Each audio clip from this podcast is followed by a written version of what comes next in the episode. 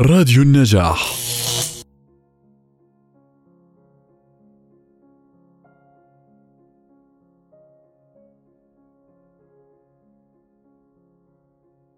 جنازة النحات. ويلا كاثر من عام 1876 إلى عام 1947 من الطريف أن ويلا كاثر التي تعود بنسبها الأمريكي إلى أصول إنجليزية تلقت العلم في صغرها في منزل أسرتها. فقد ولدت في وينشستر بولاية فرجينيا ولما كانت في الثامنة من عمرها انتقلت مع والديها إلى مزرعة كبيرة في نبراسكا حيث عرفت بساطة العيش في وسط الأراضي والفلوات المترامية ولم تكن هناك مدرسة تذهب إليها غير أنها فيما بعد عملت في إحدى جرائد بلدة لينكولن. واستطاعت الدخول في جامعة نبراسكا حيث درست بجهودها الخاصة وتخرجت وهي في التاسعة عشر. وعندها أرادت الخروج من الحياة الريفية إلى مجتمع تستطيع فيه أن تستمتع بالموسيقى والفنون والتعبير عن النفس بالكتابة. فرحلت إلى المدينة الكبيرة بتسبيرغ لتعمل في إحدى جرائدها. وترأس في الوقت ذاته قسم اللغة الإنجليزية في مدرسة ثانوية فيها. في هذه الفترة انصرفت ويلا كاثر بهمها إلى الكتابة. فبدأت تنظم الشعر وراحت تنشر قصائدها في مجلات مختلفة ثم أصدرت مجموعتها الأولى عام 1903 وبعد ذلك بسنتين ظهرت أولى مجموعاتها القصصية فلفتت النظر إلى براعة فنها وأسلوبها وطلب إليها أن تعمل محررة في مجلة ماكلور عام 1906 ثم مديرة لتحريرها وكانت من أنشط وأجرأ المجلات في الولايات المتحدة. وعرفت بتميز المستوى فيما تنشر من قصص وأتاح لها العمل في هذه المجلة كثيرا من الترحال والسفر إلى أوروبا. ولكنها كانت كلما استطاعت تعود لقضاء بعض الوقت في نبراسكا وأرياف طفولتها وحداثتها. تركت ويلا كاثر مجلتها هذه عام 1912 وانقطعت إلى الكتابة واستمرت في إنتاج قصصها ورواياتها التي حظيت بإقبال القراء ولا سيما عشاق الأدب منها. وواقع الأمر أنها انصرفت بخيالها وطاقتها الإبداعية إلى كتابة الرواية بصورة خاصة فكتبت أكثر من عشر روايات فاز بعضها بالجوائز منها. الفتاة البوهيمية عام 1912 أيها الرواد عام 1913 واحد منا عام 1922 سيدة ضائعة عام 1923 الموت يجيء إلى الأسقف عام 1927 لوسي جايهارت عام 1935 وغيرها. وإلى جانب رواياتها. أصدرت ويلا كاثر عدة مجموعات قصصية ابتداء من عام 1905 منها الشباب وميدوسا المتألقة. عام 1920 مقادير مجهولة. عام 1932 لا تحت الأربعين عام 1936 وغيرها. لم تكن حياتها كثيرة الأحداث.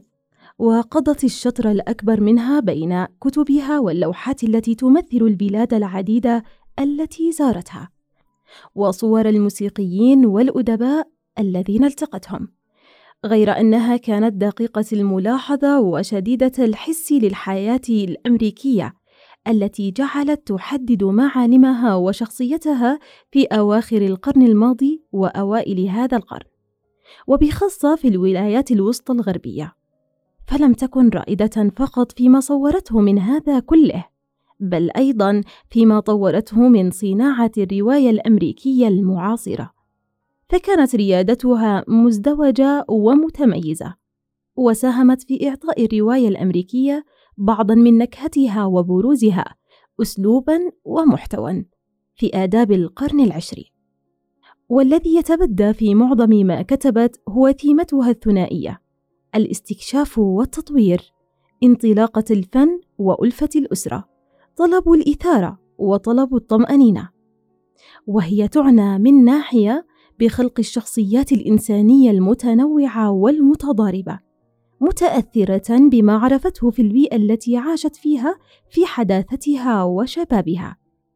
وهي تعنى من ناحية أخرى بأسلوبها الذي تجعله متفردا بوضوحه. وطراوته وصقله بالغة به أحيانا بساطة خداعة تنطوي على مهارة فنان كبير. ومن دأبها إذ تتعرض لما في التجربة من جمال وسمو وقبح وخسة أن تتجنب المباشرة لتترك الكثير لخيال القارئ واستنتاجه. قصة جنازة النحات مثل جيد على فنها القصصي هذا. وقد أخذت من مجموعتها الشباب وميدوسا المتألقة Youth and Bright ميدوسا جنازة النحات. وقفت جماعة من الأهالي على رصيف المحطة في بلدة صغيرة بولاية كانساس في انتظار مجيء قطار الليل وقد تأخر عشرين دقيقة في الوصول. كانت الثلوج قد هطلت بغزارة على كل شيء وفي ضوء النجوم الباهت شكلت التلاع المسترسلة وعبر الحقول البيضاء الشاسعة جنوبي البلدة منحنيات ناعمة دخانية اللون إزاء السماء الصاحية. وراح الرجال على الرصيف يقفون مرة على هذه القدم ومرة على تلك وأيديهم مدفوعة عميقا في جيوب بنطلونتهم ومعاطفهم مفتوحة وأكتافهم مشدودة بفعل البرد. وهم يرسلون أبصارهم من حين لآخر نحو الجنوب الشرقي حيث تلتف سكة الحديد مع التفافة ضفة النهر. كانوا يتحدثون بنبرات منخفضة ويتحركون دون استقرار وكأنهم لا يعرفون بالضبط ما الذي عليهم أن يفعلوه. واحد فقط من أفراد الجماعة بدا عليه كأنه يعرف بالضبط سبب وجوده هناك. وأبقى نفسه معزولا عنهم بشكل ظاهر وهو يتمشى إلى الطرف الأقصى من الرصيف. ثم يعود إلى باب المحطة ثم يعيد الخطى من حيث جاء. وقد دفن ذقنه في ياقة معطفه العالية وكتفاه البدينان منحنيان ومشيته ثقيلة وملحة. وإذا برجل طويل ضامر بادي الشيب يتقدم منه وقد ارتدى بدلة عتيقة باهتة من ملابس جيش الجنوب وخرج من بين الجماعة مشحشطا قدميه باتجاهه بضرب من الاحترام مادا عنقه إلى أمامه حتى شكل ظهره زاوية مطوى فتحت حتى ثلاثة أرباعها. وقال بصوت أشبه بالوسوسة كأنها ليست بصوته. أحسب أن القطار سيتأخر كثيرا هذه الليلة أيضا.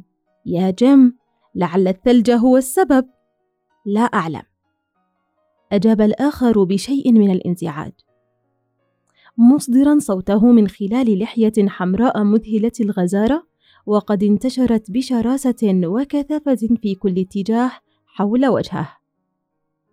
حول الرجل الضامر مسواكا من عظم الريشة كان يمضخه إلى الزاوية الأخرى من فمه، وقال: من غير المحتمل فيما أظن أن أحدا من المنطقة الشرقية سيرافق الجثمان. لا أعلم، أجاب الآخر باقتضاب أخشن من السابق. من المؤسف أنه لم ينتمي إلى أحد المحافل أو إحدى الجماعات التي لها شأنها، فأنا أحب الجنازات المنظمة لأنها تبدو أليق بالأناس الذين يتمتعون ببعض السمعة. هكذا استمر الرجل الضامر وفي صوته الحاد لهجة من لا يريد إزعاج سامعه. وهو يضع مسواكه بعناية في جيب صدريته لقد كان دائما هو الذي يحمل الراية في جنازات جيش الجنوب استدار الرجل المتين على عقبه دون أن يجيب وتمشى على الرصيف بينما عاد الضامر إلى جماعته القلقة وقال متعاطف: جيم حزين جدا كالعادة. وفي تلك اللحظة سمع صوت صافرة بعيدة، وانطلقت الأقدام تشحشط على الرصيف، وظهر فجأة عدد من الصبية الهزل بفجاءة، ولزوجة ثعابين البحر أيقظها قصف الرعد.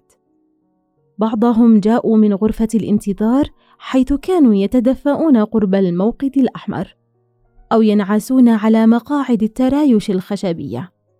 وبعضهم انتزعوا أنفسهم من عربات الأمتعة أو انزلقوا خارجين من عربات الأجرة. وقفز اثنان من مقعد السائق لعربة جنازة كانت في الانتظار ومؤخرتها في اتجاه الرصيف. ونصب كلاهما كتفيه المنحنيين ورفع رأسه. وبرق في عينيه الخامدتين وميض من الحياة للحظتين لسماعه تلك الصيحة الرنانة الباردة التي تستنفر الناس في كل مكان في العالم. لقد أثارت القوم كأنها صدح البوق، بالضبط كما كانت تثير الرجل العائد هذه الليلة إلى أهله أيام صباح. كان قطار الليل السريع مقبلا أحمر كصاروخ من احشاء المستنقعات الشرقية ويستدير مع ضفة النار تحت الخطوط الطويلة لأشجار الصفصاف الراعشه وهي تحرس المروج والبخار المنطلق يتكاثف كتلا شهباء إزاء السماء الشاحبة ويحجب نجوم المجرة. وسرعان ما انهال الوهج الأحمر من الضوء الأمامي على الطريق المكسوة بالثلوج. وجعل يتألق على حديد السكك السوداء البليلة. وأسرع الرجل الضخم ذو اللحية الحمراء المشعثة نحو القطار القادم. حاسرا رأسه وهو يسير على الرصيف أما أفراد الجماعة الذين وراءه فترددوا وتبادلوا النظرات ثم حذوا حذوه بشكل أخرق. وعندما توقف القطار تقدم الجمهور من عربة منه فتح بابها ودفع الرجل الضامر رأسه إلى الأمام بفضول. بينما ظهر مراسل القطار في المدخل يرافقه شاب يرتدي معطفا وقبعة سفر. وسأل الشاب القوم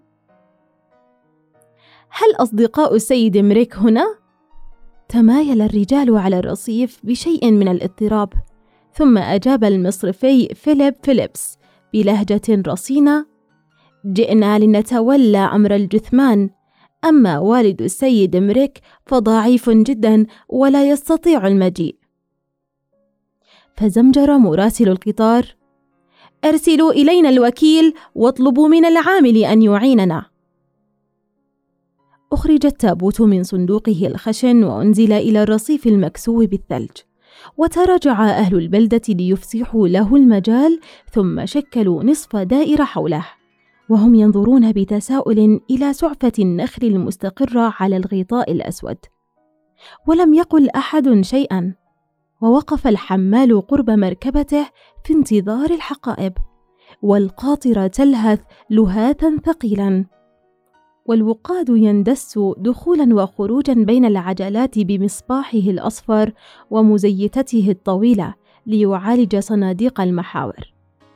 ووقف الشاب البسطوني متلفتا حوله بحيرة وهو أحد تلاميذ النحات المتوفى وقد صاحب الجثمان. ثم توجه نحو المصرفي لأنه رأى فيه الرجل الوحيد في تلك الجماعة القلقة السوداء المحنية الأكتاف الذي يبدو أن له من الفردية ما يؤهله لأن يخاطبه المرء. وسأله دون ما تأكيد ألم يجيء أحد من إخوة السيد إمريك؟ ولأول مرة تحرك ذو اللحية الحمراء وانضم إلى الآخرين ليقول كلا لم يجيئوا بعد والعائلة مشتتة وسوف يؤخذ الجثمان إلى الدار مباشرة. وانحنى ليمسك بأحد مقابض النعش. خذ الطريق التل الطويل في صعودك يا تومبسن فهي أسهل على الخيل. قال السائس ذلك فيما أغلق الحانوتي باب عربة النعش وتهيأ للصعود إلى مقعد السائق. والتفت ليرد المحامي ذو اللحية الحمراء إلى الغريب الشاب وقال لم نكن نعلم أيرافقه أحد أم لا. المسيرة طويلة. ولذا فخير لك أن تذهب بهذه العربة. وأشار إلى مركبة مهشمة وحيدة قريبة منهم غير أن الشاب أجاب بنبرة جافة شكرا ولكني سأذهب في عربة النعش. والتفت إلى الحانوتي وأردف سأركب معك إذا أذنت. وتسلق كلاهما فوق العجلات وانطلق في ضوء النجوم صاعدين التل الأبيض الطويل باتجاه البلدة. كانت المصابيح ما زالت تشع من تحت السقوف المنخفضة المحملة بالثلوج ووراءها على الجانبين ترامت السهول حتى الفضاء وادعة شاسعة كالسماء الناعمة نفسها يلفها صمت أبيض ملموس. عندما تراجعت العربة إلى ممشى خشبي أمام بيت هكليعار جرعه الطقس. التأمت قرب البوابة تلك المجموعة نفسها التي كانت على رصيف المحطة.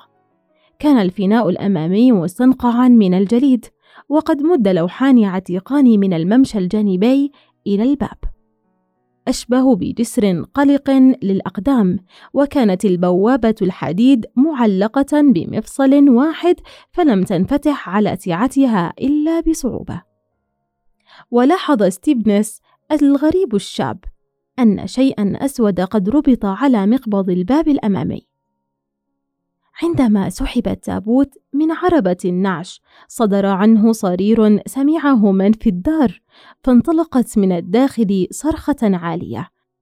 وفتح الباب الأمامي بنترة قوية واندفعت امرأة طويلة جسيمة حاسرة الرأس إلى الثلج وارتمت على التابوت وهي تزعق.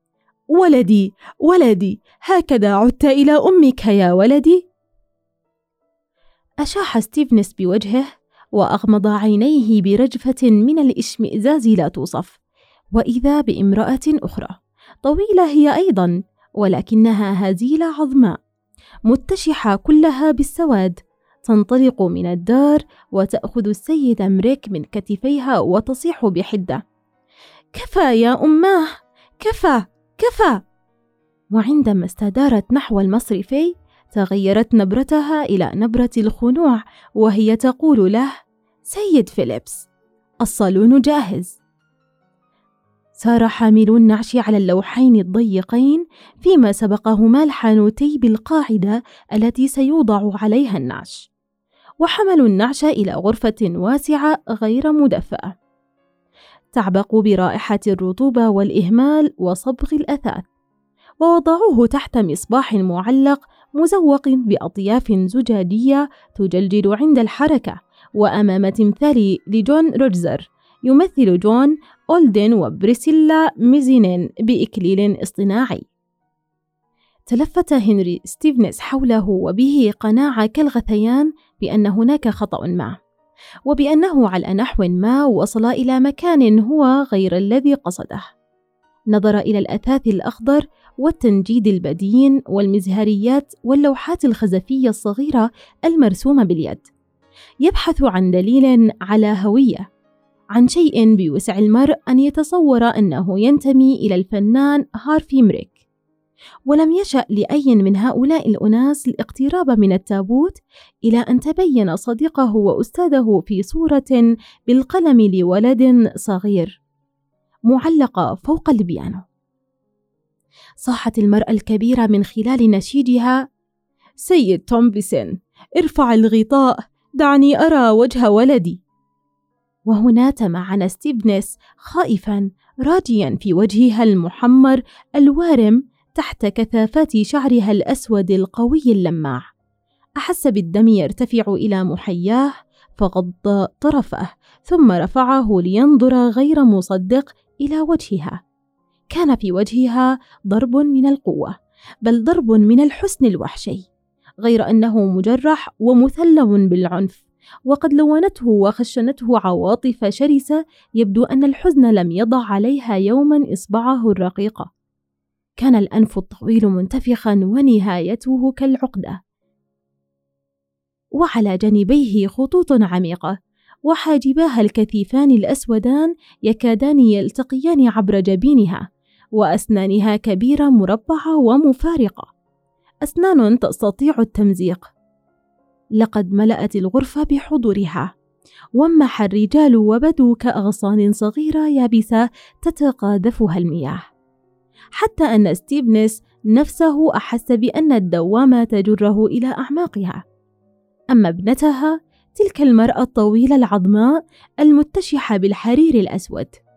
وفي شعرها مشط الحداد يضيف طولا إلى وجهها الطويل. فجلست متشنجة على الصوفة ويداها في حضنها باديتا الضخامة في عقد الأصابع. وقد انشدت عيناها وشفتاها إلى الأسفل وهي تنتظر بوقار فتح التابوت. وقرب الباب وقفت امرأة خلاسية هي من خدم المنزل ولا ريب. بملامح وجلة ووجه نحيل يقطر حزنا وشفقة ورقة. كانت تبكي بصمت وترفع طرف مريولها إلى عينيها. وتكبت من حين لآخر شهقة راجفة من الحزن.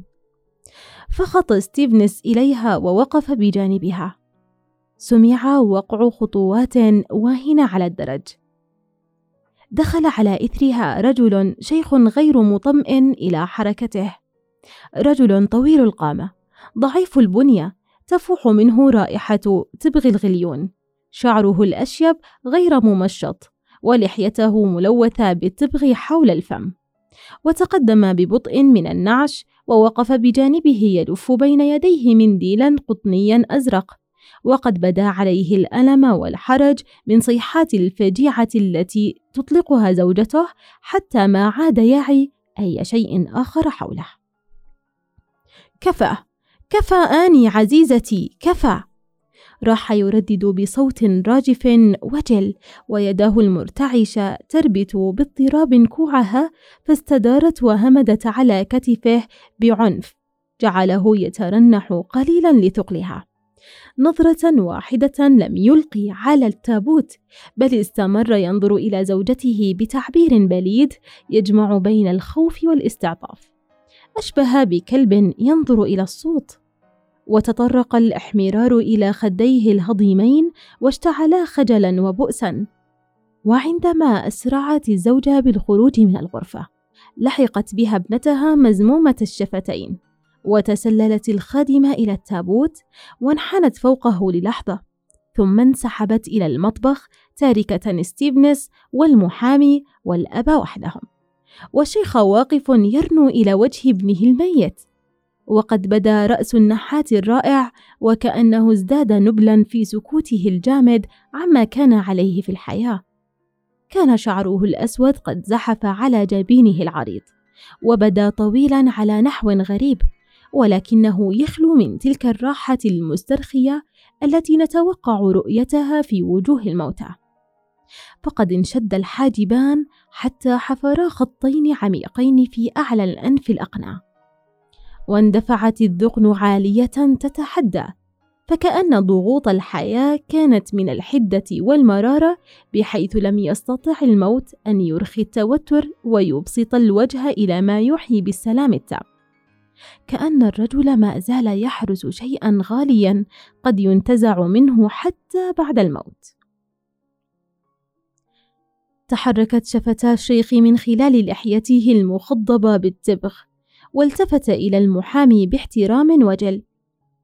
هل سيعود فيليبس والآخرين ليسهروا مع هارفي؟ شكرا جيم شكرا. أبعد الشعر برفق عن جبيني ابنه. كان ولدا طيبا كان دائما ولدا طيبا رقيقا كالطفل وأعطفهم جميعا ولكن لم يفهمه أحد منا ابدا.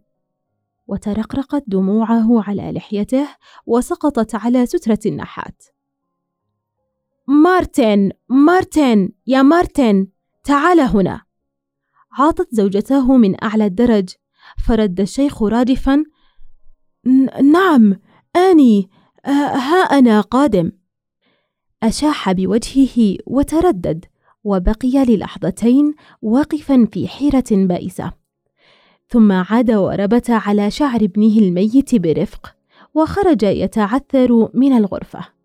علق المحامي قائلا شيخ مسكين ما كنت أظن أن دموعا بقيت لديه ليذرفها. يخيل إلي أن عينيه جفتا منذ زمن بعيد وفي سنه ليس ثمة ما يستطيع التأثير فيه عميقا. شيء ما في نبرته جعل ستيفنس يرفع بصره نحوه. فبينما كانت الأم في الغرفة لم يرى الشاب احدا غيرها.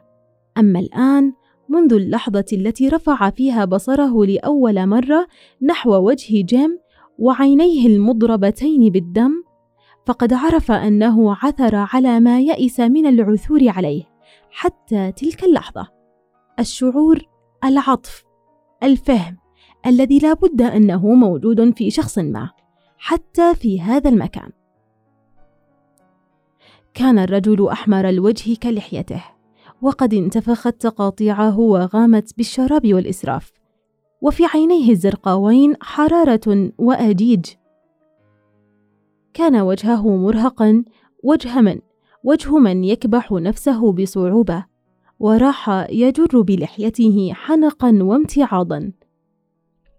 وإذ جلس ستيفنس قرب النافذه راقبه وهو يخفض نور المصباح اللاعج ويوقف جلجلة البلورات المعلقة به بحركة غاضبة. ثم يقف ويداه تمسك الواحدة بالأخرى خلف ظهره ليحدق في وجه الفنان الكبير. وجعل يتساءل أية صلة كانت في يوم مضى بين وعاء البورسلين الرائع هذا وبين تلك الكومة السخماء من طين خزاف أقرق. سمع من المطبخ لغط وصياح، وعندما فتح باب غرفة الطعام اتضح معناهما كانت الأم تعنف وتشتم الخادمة لأنها نسيت أن تهيئ الصلصة لسلطة الدجاج التي أعدت لحراس العزاء. لم يكن ستيفنس قد سمع في حياته تعنيفا كذلك، لقد كان سيلا من الشتائم الدرامية العاطفية الجارحة، الفذة والمذهلة قسوة وإيلاما. وكلها بانفلات وعنف الحزن الفاجع الذي رآه قبل عشرين دقيقة. واتجه المحامي مقشعر البدن إلى غرفة الطعام وأغلق بابها المؤدي إلى المطبخ. وعندما عاد قال وقعت كلها برأس المسكينة روكسي. مريك وزوجته أخرجاها من دار الفقراء المعدمين قبل سنوات لتعمل في هذا البيت. ولو سمح لها ولاؤها بالكلام لروت المسكينة حكايات تجمد الدم في العروق. إنها المرأة المولدة التي كانت واقفة هنا قبل دقائق ومريولها يجفف عينيها وصاحبتنا العجوز سخط حي لم أرى امرأة مثلها قط. وقد جعلت حياة ابنها هارفي جحيما عندما كان يقيم هنا وكان يخجل ويستعر من تصرفها حتى المرض. لا أعرف كيف استطاع أن يحافظ على حلاوة طبعه في مثل هذا الجو. فقال ستيفنس على مهل كان رائعا رائعا ولكنني لم أكن أعلم كم كان رائعا حتى هذه الليلة. وهنا موطن العجب الأبدي في الأمر أن هذه الروعة يمكنها أن تنبثق حتى من بزبلة كهذه. قال المحامي ذلك صائحا ومع ايماءه عريضة تشير إلى ما هو أكثر بكثير من الرقعة المحاطة بالجدران الأربع حيث كانا يقفان فتمتم ستيفنس أريد شيئا من الهواء الغرفة مخنوقة وبدأت أحس بما يشبه الإغماء وراح يكافح في محاولته فتح إحدى النوافذ غير أن عارضتها كانت عاصية. ولم تستجب لمحاولته فجلس مكتئبا وجعل يسحب ياقته. وعندها ذهب المحامي وزحزح العارضة بضربة من قبضته الحمراء ورفع درفة النافذة بضع بوصات. فشكره ستيفنس ولكن الغثيان الذي كان يتصاعد إلى حنجرته في نصف الساعة الأخيرة ترك فيه رغبة واحدة. رغبة يائسة تدفعه إلى الابتعاد عن هذا المكان بما تبقى لديه من هارفي بريك. آه، إنه الآن قد أدرك سر تلك الابتسامة المريرة الهادئة التي كان كثيرا ما رآها ترتسم على شفتي أستاذه. ذات مرة عاد الفنان مريك من زيارة لأهله ومعه منحوتة ناتئة شديدة الحساسية والإيحاء تصور عجوزا باهتة جالسة تخيط شيئا تثبت بدبوس على ركبتها. وقد وقف بجانبها طفل مكتنز الشفتين مكتنز الحيوية وبنطلونه معلق بخصره بدبوس كبير. وهو يلج بنتع فستانها ليلتفت ليلفت نظرها إلى فراشة أمسك بها. فسأله يومئذ ستيفنز إذ أعجب برهافة التشكيل ورقته الباديتين في الوجه النحيل المجهد. هل تلك المرأة أمه؟ ولم ينس كيف احمر عندها وجه النحات وتوهج. جلس المحامي في كرسي هزاز قرب النعش وقد ألقى برأسه إلى الوراء وأغمض عينيه فتمعن ستيفنز في وجهه وأدهشه خط الذقن. وتساءل لماذا يخفي أي رجل ملمحا قويا متميزا كهذا تحت كومة من لحية تشوهه وبغتة كأن المحامي أحس بنظرة النحات الشاب النافذة فتح عينيه وتساءل فجأة هل كان دائما محارة مغلقة؟ فقد كان شديد الحياء في صباه أجاب ستيفنز نعم كان محارة مغلقة على حد قولك. ومع أنه كان شديد التعلق بالناس فقد كان يوحي إليهم بأنه منفصل عنهم. كان يكره العواطف العنيفة ويميل إلى التأمل وعدم الثقة بنفسه. فيما عدا ما يتصل بعمله الفني بالطبع فقد كان واثقا من فنه. كان قليل الثقة بالرجال عموما وأقل ثقة بالنساء. ولكن بشكل ما دون أن ينسب إليهم أي نية شريرة بل إنه كان مصمما على أن ينسب إليهم أطيب النوايا غير أنه كان يخشى الاستقصاء. فقال المحامي واجما الملدوغ يخشى جرة الحبل. وأغمض عينيه. واسترسل ستيفنز معيدا تركيب ذلك الصبي البائس. كل هذا القبح الناهش الفج كان هو نصيب الرجل الذي غدا ذهنه فيما بعد قاعة صور لانطباعات جميلة لا نهاية لها. وهي من رهافة الحس بحيث أن مجرد ظل تلقيه ورقة من أشجار الحور على جدار مشمس ينحفر فيه ويبقى هناك إلى الأبد. وإذا كان هناك من كانت الكلمة السحرية على رؤوس أصابعه فهو هارف مريك ما لمس شيئا إلا وكشف عن أقدس سر فيه وحرره من إساره وأعاده إلى بهائه الأول. وكل شيء اتصل به ترك عليه سجلا جميلا لتلك التجربة كأنه يطبع عليه توقيعا من الأثير عطرا رنينا لونا كان ملكه هو. لقد فهم ستيفنز في تلك الليلة المأساة الحقيقية التي اتصفت بها حياة أستاذه.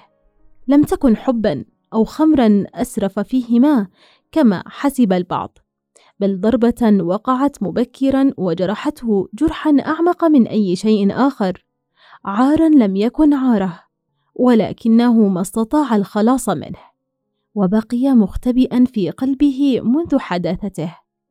وفي الخارج كانت هناك حرب الحدود.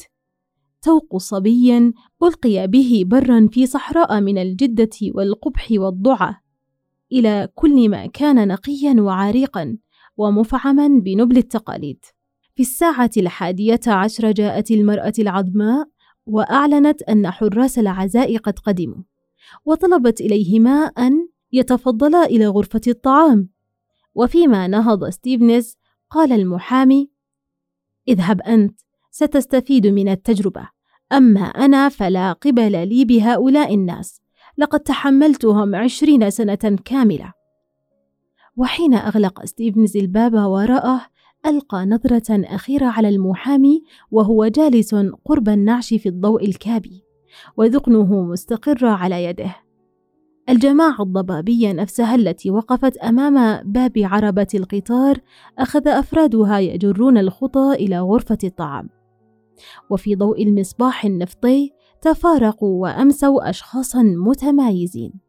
فكان هناك الكاهن رجل شاحب واهن أبيض الشعر وأشقر الشارب. اتخذ لنفسه مقعدا قرب مائدة جانبية وضع عليها كتابه المقدس. وجلس الرجل صاحب جيش الجنوب وراء الموقد. وأمال كرسيه إلى الخلف ليستقر على الحائط راحة له. وأخرج من جيب صدريته مسواك عظم الريش وانزوى المصرفيان فيلبس وإلدر في ركن وراء مائدة الطعام حيث بوسعهما إكمال مناقشتهما لقانون الربا الجديد وأثره في القروض العينية. وسرعان ما انضم إليهما دلال العقارات وهو رجل عجوز ذو وجه باسم منافق وجلس تاجر الفحم والأحطاب وناقل المواشي كل مقابل الآخر بجانب كانون الفحم راكنين أقدامهما على إطاره المعدني البراق. أما ستيفنز فأخرج كتابا من جيبه وراح يقرأ وشمل الحديث حواليه مواضيع شتى تهم أهل البلدة بينما أخذت الدار تهدأ. إلى أن اتضح أن أهل الدار قد آووا إلى أفرشتهم وعندها رفع صاحب جيش الجنوب كتفيه وطوى ساقيه الطويلتين وركن عقبيه على قواعد كرسيه وتساءل بصوته المخنث الضعيف أتظن أن هناك وصية ما يا فيليبس؟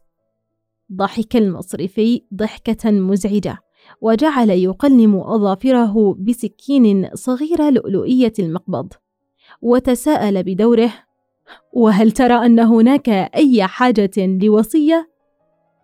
غير الرجل الآخر وضعه مرة أخرى رافعا ركبتيه قريبا من ذقنه وقال ولكن صاحبنا الشيخ يقول إن ابنه هارفي كان كثير الكسب في الآونة الأخيرة فتدخل المصرفي الآخر قائلا أعتقد أنه يقصد بذلك أن هارفي لم يعد يطلب إليه أن يرهن المزيد من المزارع لكي يستطيع الاستمرار بدراسته. فعلق صاحب الجيش بضحكة رفيعة. لا أستطيع أن أعود بذاكرتي إلى زمن لم يكن فيه هارفي مشغولا بالدراسة. وقهقه الجميع. وأخرج الكاهن منديله ومخط فيه بصوت عال. والمصرفي فيليبس أغلق سكينه بنقرة قائلا بلهجة من يحكم على أمر بعد التأمل فيه من المؤسف أن أبناء صاحبنا كبروا خائبين فهم لم يتماسكوا قط وهو أنفق على هارفي مالا يكفي لملء عشر حظائر بالمواشي وكأنه صبه صبا في خليج الرمال. ولو مكث هارفي عند أهله وأعانهم في تنمية ما لديهم وأضاف المواشي إلى مزرعة أبيه البعيدة لتحسنت حالهم جميعا.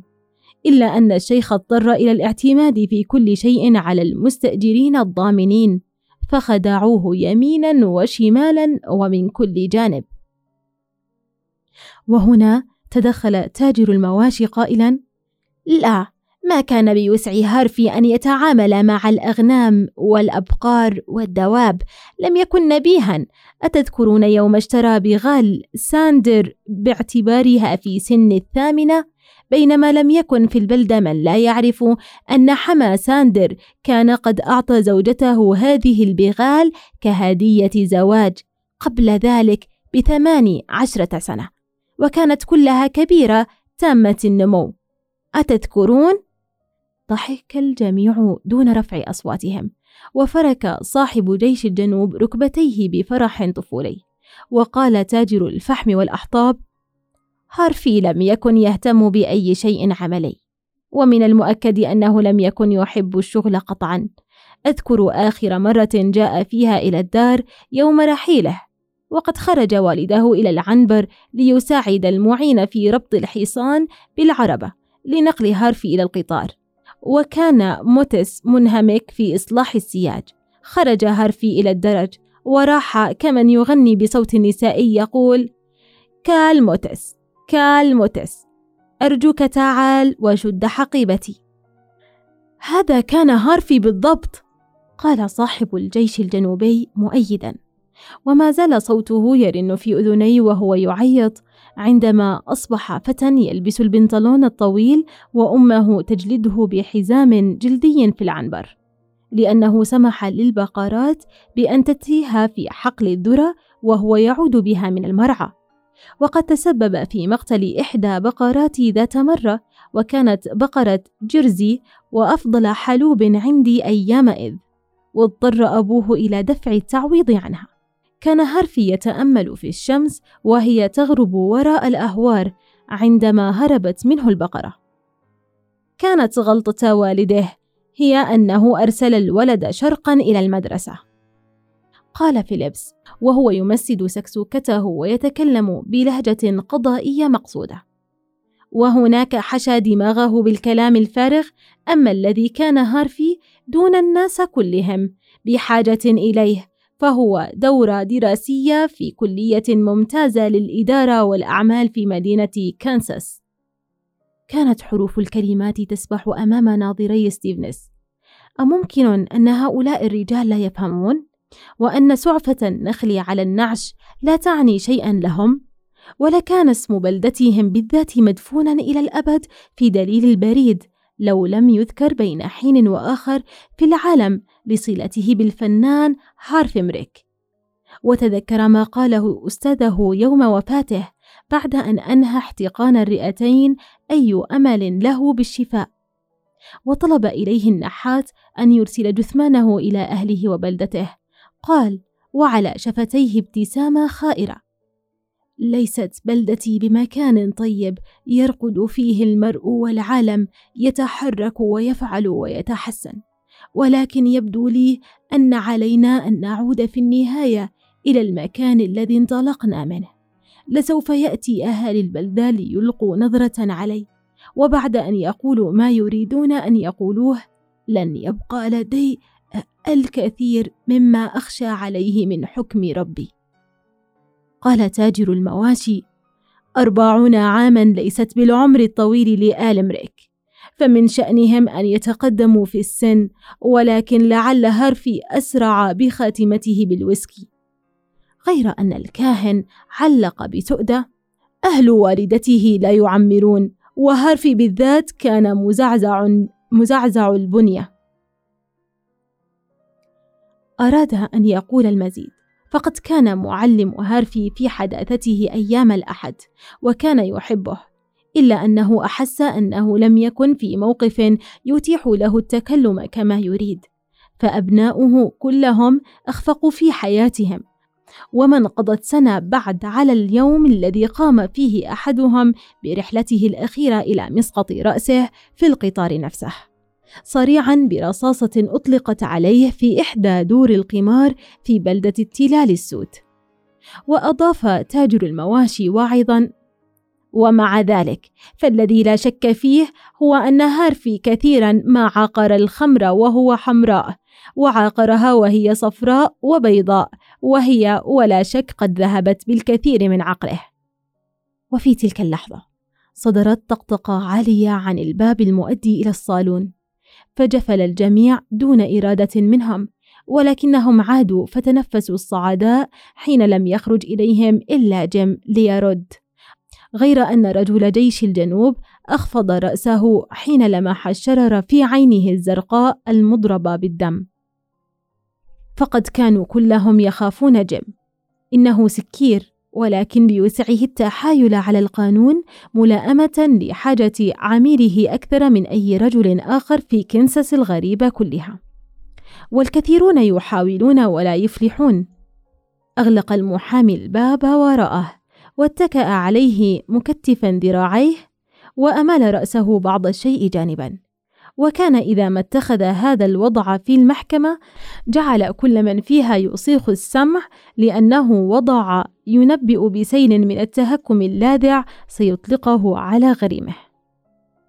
شرع يتكلم بنبرة جافة متزنة لقد صاحبتكم أيها السادة من قبل وأنتم تجلسون قرب توابيت فتية ولدوا وترعرعوا في هذه البلدة وكنتم دائما إذا لم تخني الذاكرة غير راضين عنهم حين تناولتموهم بالتقويم. ما الذي جرى يا قوم؟ لماذا تجدون الشباب الجيدين المستقيمين أندر من أصحاب الملايين في مدينة الرمال؟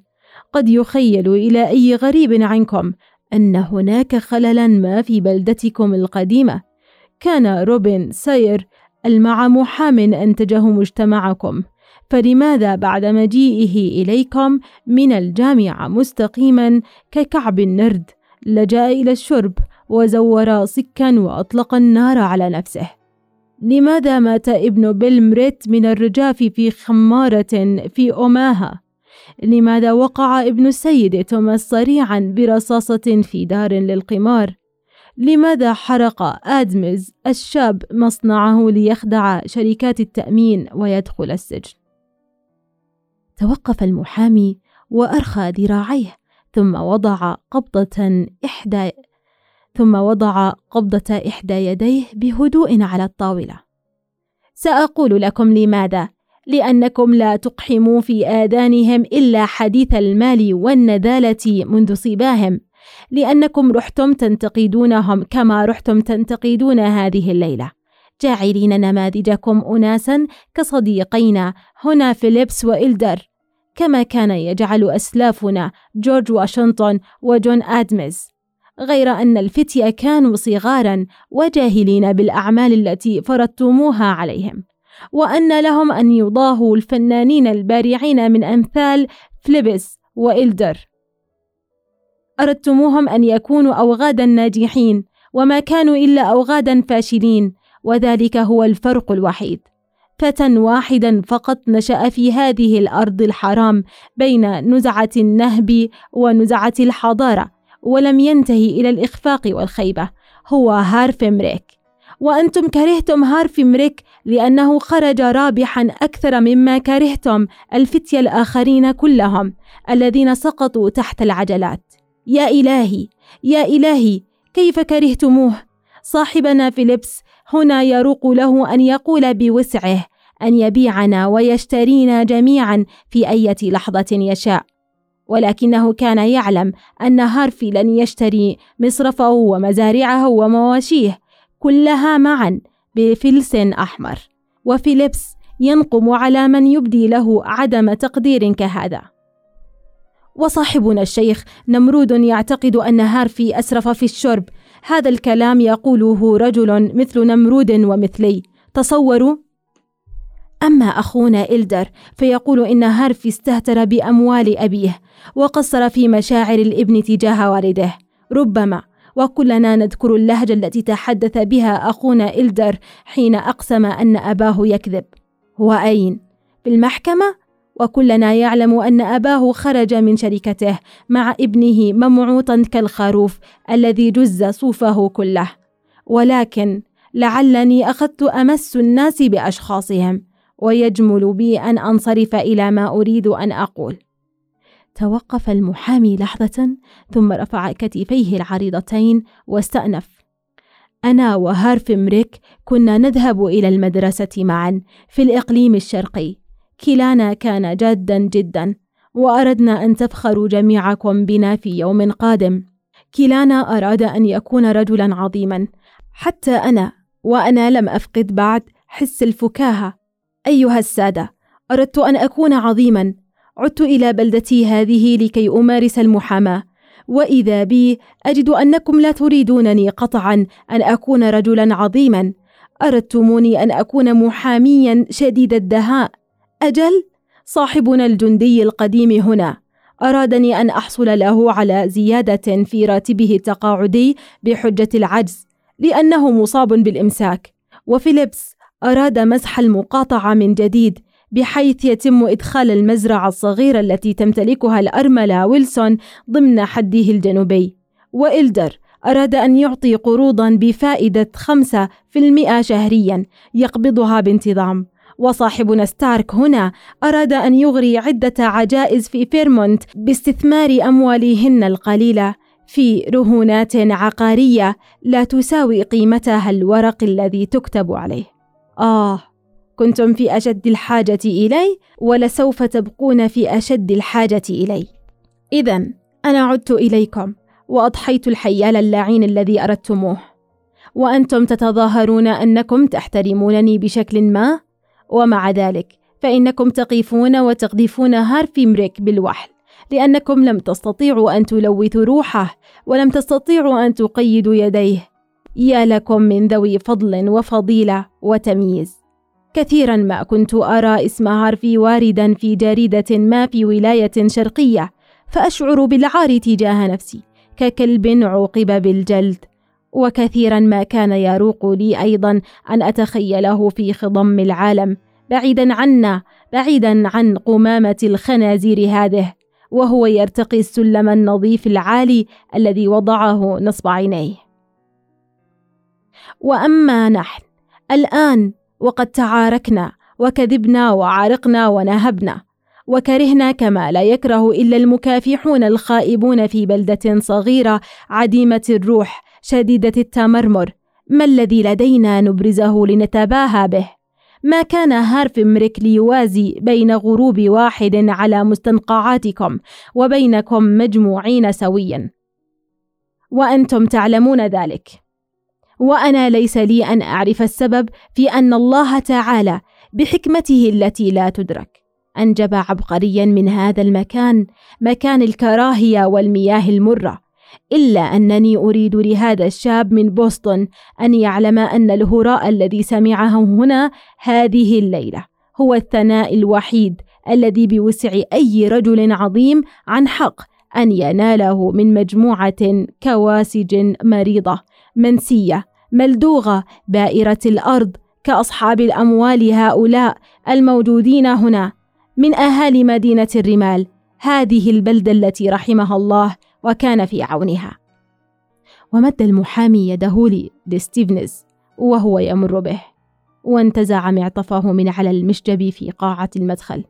وغادر الدار قبل أن يجد رجل الجيش الجنوبي وقتا لرفع رأسه المطأطئ. ومد عنقه الطويل للتلفت بين صحبه وفي اليوم التالي كان جيم ليرد ثملا وعاجزا عن حضور قداس الجنازة. وذهب ستيفنز إلى مكتبه مرتين ولم يجده واضطر إلى الرحيل شرقا دون أن يراه. ولأنه حدث بأنه ستأتيه رسالة منه كان قد ترك عنوانه على منضدة المحامي. فإذا كان ليرد قد وجده فإنه لم يكتب له قط. فالشيء الذي أحبه فيه هارفي مريك لابد أنه غار في الأرض ودفن مع تابوت هارفي مريك لأنه لم ينطق قط مرة أخرى. وقد أصيب جيم بالزكام الذي سبب وفاته حين كان راحلا عبر جبال كولورادو. ليرافع دفاعا عن أحد أبناء فيليبس الذين جرت محاكمته هناك لأنه اقتطع أحطاب أشجار الحكومة عن غير حق.